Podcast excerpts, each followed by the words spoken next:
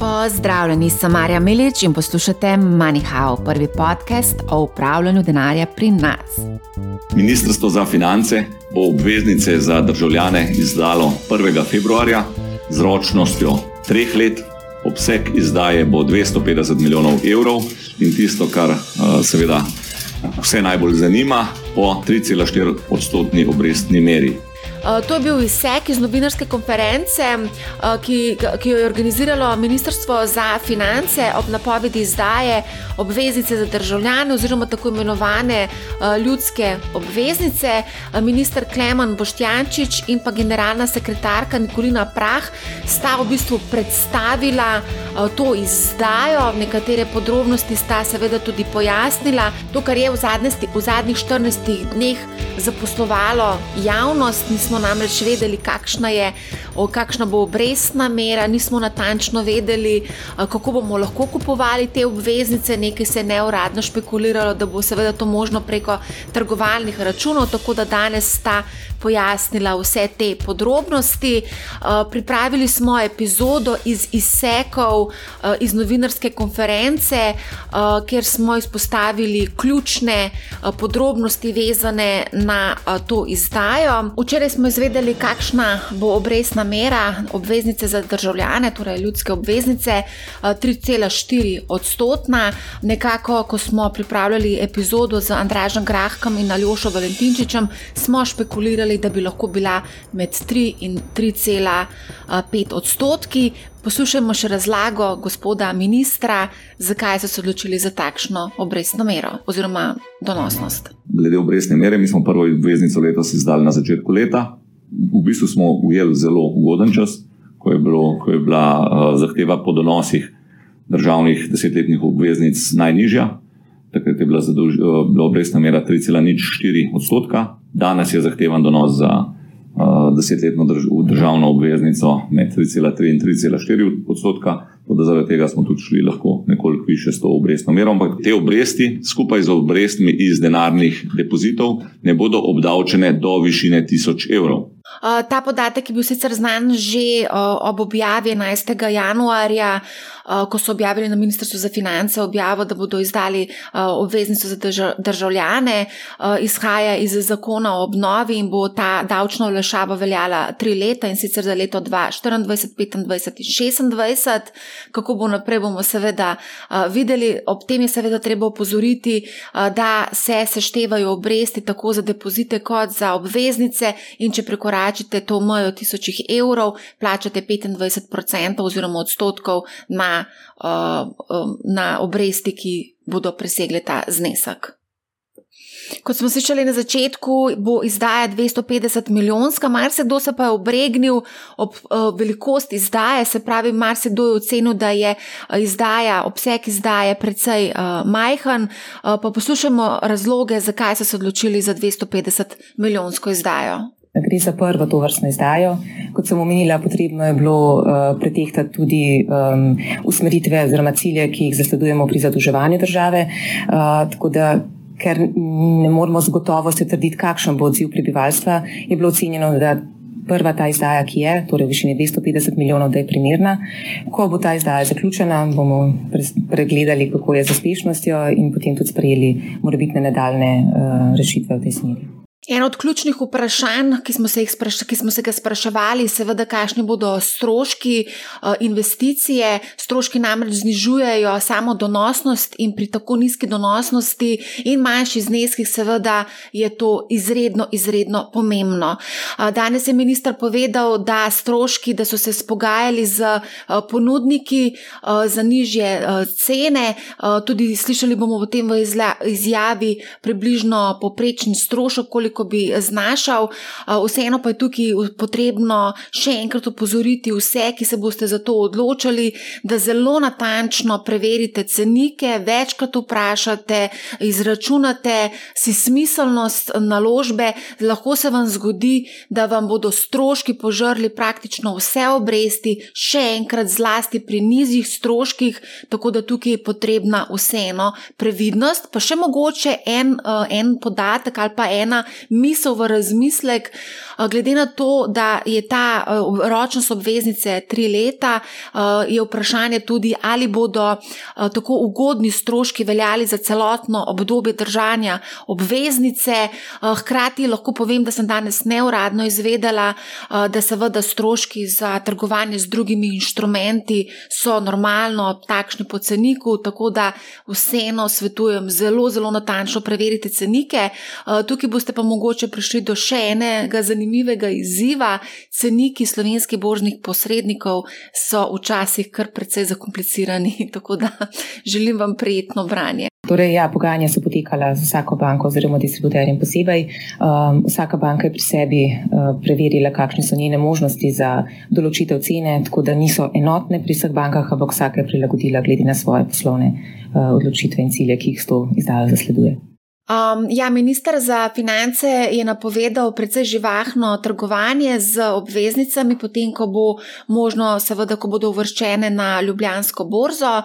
Uh, večkrat je v bistvu izpostavil, da pričakuje, da se bo z obveznico trgovalo.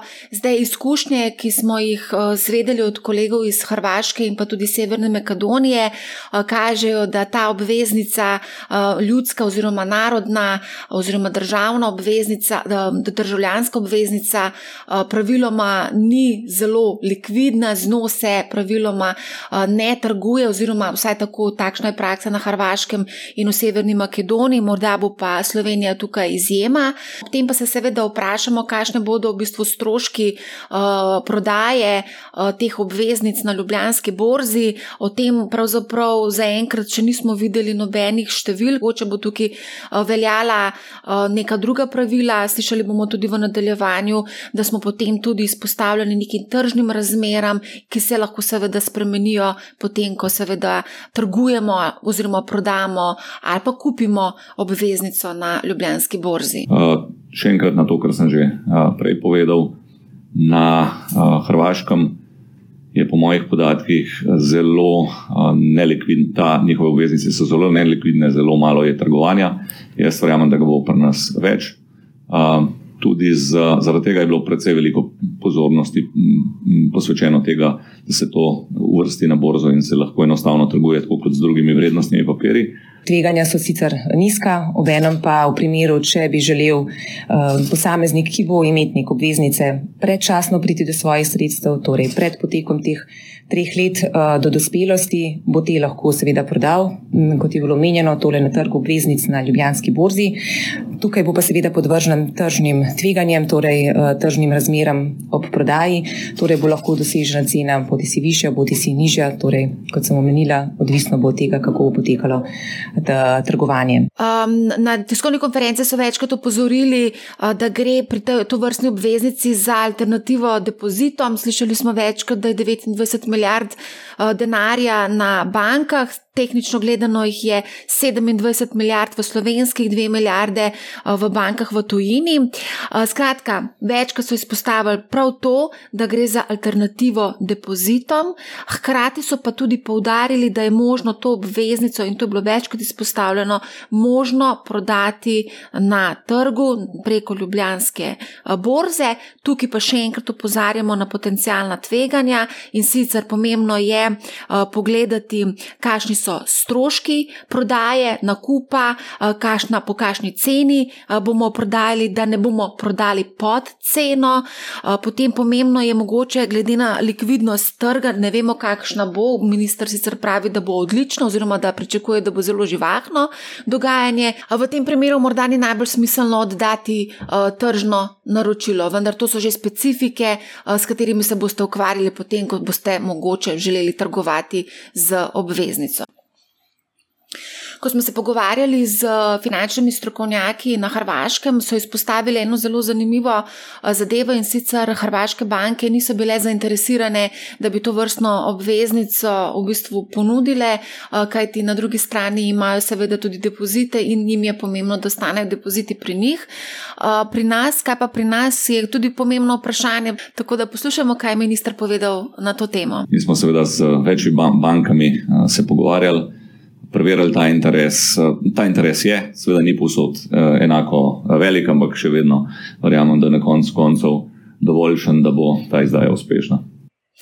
Minimalni znesek za upis je, seveda, na začetku smo slišali ministra povedal, da je 1000 evrov, maksimalni je 100 tisoč evrov. Ta podatek je bil znan že 11. januarja, ko je bilo prvič to objavljeno. Se pravi, še enkrat mogoče na mesto upozorilo, da tisti, ki boste investirali manjše zneske, bodite pozorni na stroške. Kar se pa tiče 100 tisoč evrov in pa seveda, kdo so potencijalni investitorji, če omenimo mogoče izkušnjo iz hrvaškega trga. Eh, izvedeli smo neuradne in sicer informacije, da so pretežno starejši od 55. leta kupovali te eh, obveznice. Eh, mogoče samo za informacijo, tudi v naših vzajemnih skladih je poprečna starost, ko smo slišali Luka Podlogarja v epizodi o vzajemnih skladih, je dejal, da je starost poprečna 55 let, tako da mogoče so to bodoče potencijalni kupci te, uh, potencijalni kupci te obveznice. Mar se kdo se na tej točki sprašuje, uh, zakaj je meja postavljena pri 100 tisoč uh, evrih, glede na to, da imamo na bankah 29 milijard, bi mogoče bil lahko ta znesek uh, tudi višji. Poslušajmo, zakaj so postavili mejo pri 100 tisoč evrih. Najprej odgovorim na višino 100 tisoč evrov. Uh, tukaj se je, so se našli sodelavci v direktoratu za zakladništvo, ki so intenzivno delali na tej izdaji. Presudilo se je, da je 100 tisoč tista meja, ki ločuje, bom rekla, male vlagatelje od uh, velikih vlagateljev. Presodila oziroma pregledala se je tudi, kako so v tujini, v drugih državah um, naredili to distinkcijo in nekje 100 tisoč evrov je tista meja, ki je bila prepoznana kot primerna. Marsikdo je na tej točki se začel spraševati tudi o potencijalnih tveganjih. Um, kar nekaj izkušenj smo že imeli v Sloveniji z nekaterimi naložbami, uh, gre za delnico nove KBM in podrejene obveznice NLB banke. Uh, seveda gre tukaj za popolnoma drug inštrument, kjer v bistvu je v ozadju država. Država ima dobro boniteto in načeloma ni, ne gre za tvegan inštrument v smislu, da bi izgubili denar ali pa da bi vam država država izbrisala te obveznice. Vseeno pa poslušajmo, kaj je o tveganju povedal minister. Verjamemo, da ročnost in um, obrestna mera, ki je ugodnejša kot so trenutno bančni depoziti, uh, uh, bo dovolj zanimiva tudi na koncu koncev za, uh, za, za poplačilo uh, jamči država. Uh, tako da verjamem, da iz tega vidika ne bi smel biti doma ali pa v to bodo ljudje ta denar dobili ali ne. Verjamem, da gre za eno najbolj varnih naložb. Preden zaključimo to epizodo, pa pogledajmo še, kakšne so pričakovanja ministra, bo izdaja uspešna in kaj pa, če ne bo uspešna, kaj pa, če ne uspejo zbrati 250 milijonov evrov in enostavno državljani niso pripravljeni investirati v to vrstni inštrument. Poslušajmo. Verjamem, da bo ta uh, izdaja uh, uspešna vkolikor seveda opis ne bo tak, kot mi pričakujemo, bo to seveda nek uh, znak, kaj, kje smo z uh, dojemanjem uh, prebivalcev glede to vrstnega inštrumenta, kar pomeni, da nas seveda verjetno čaka še več dela na finančnem opismenjevanju, kar je sicer tudi eden od uh, pomembnih ciljev, ker je ta stopnja v Sloveniji zelo uh, nizka. V tem delu se strinjam z ministrom, finančna pismenost v Sloveniji je res šipka, tako da upam, da je to le prvi korak k finančnemu opismenjevanju.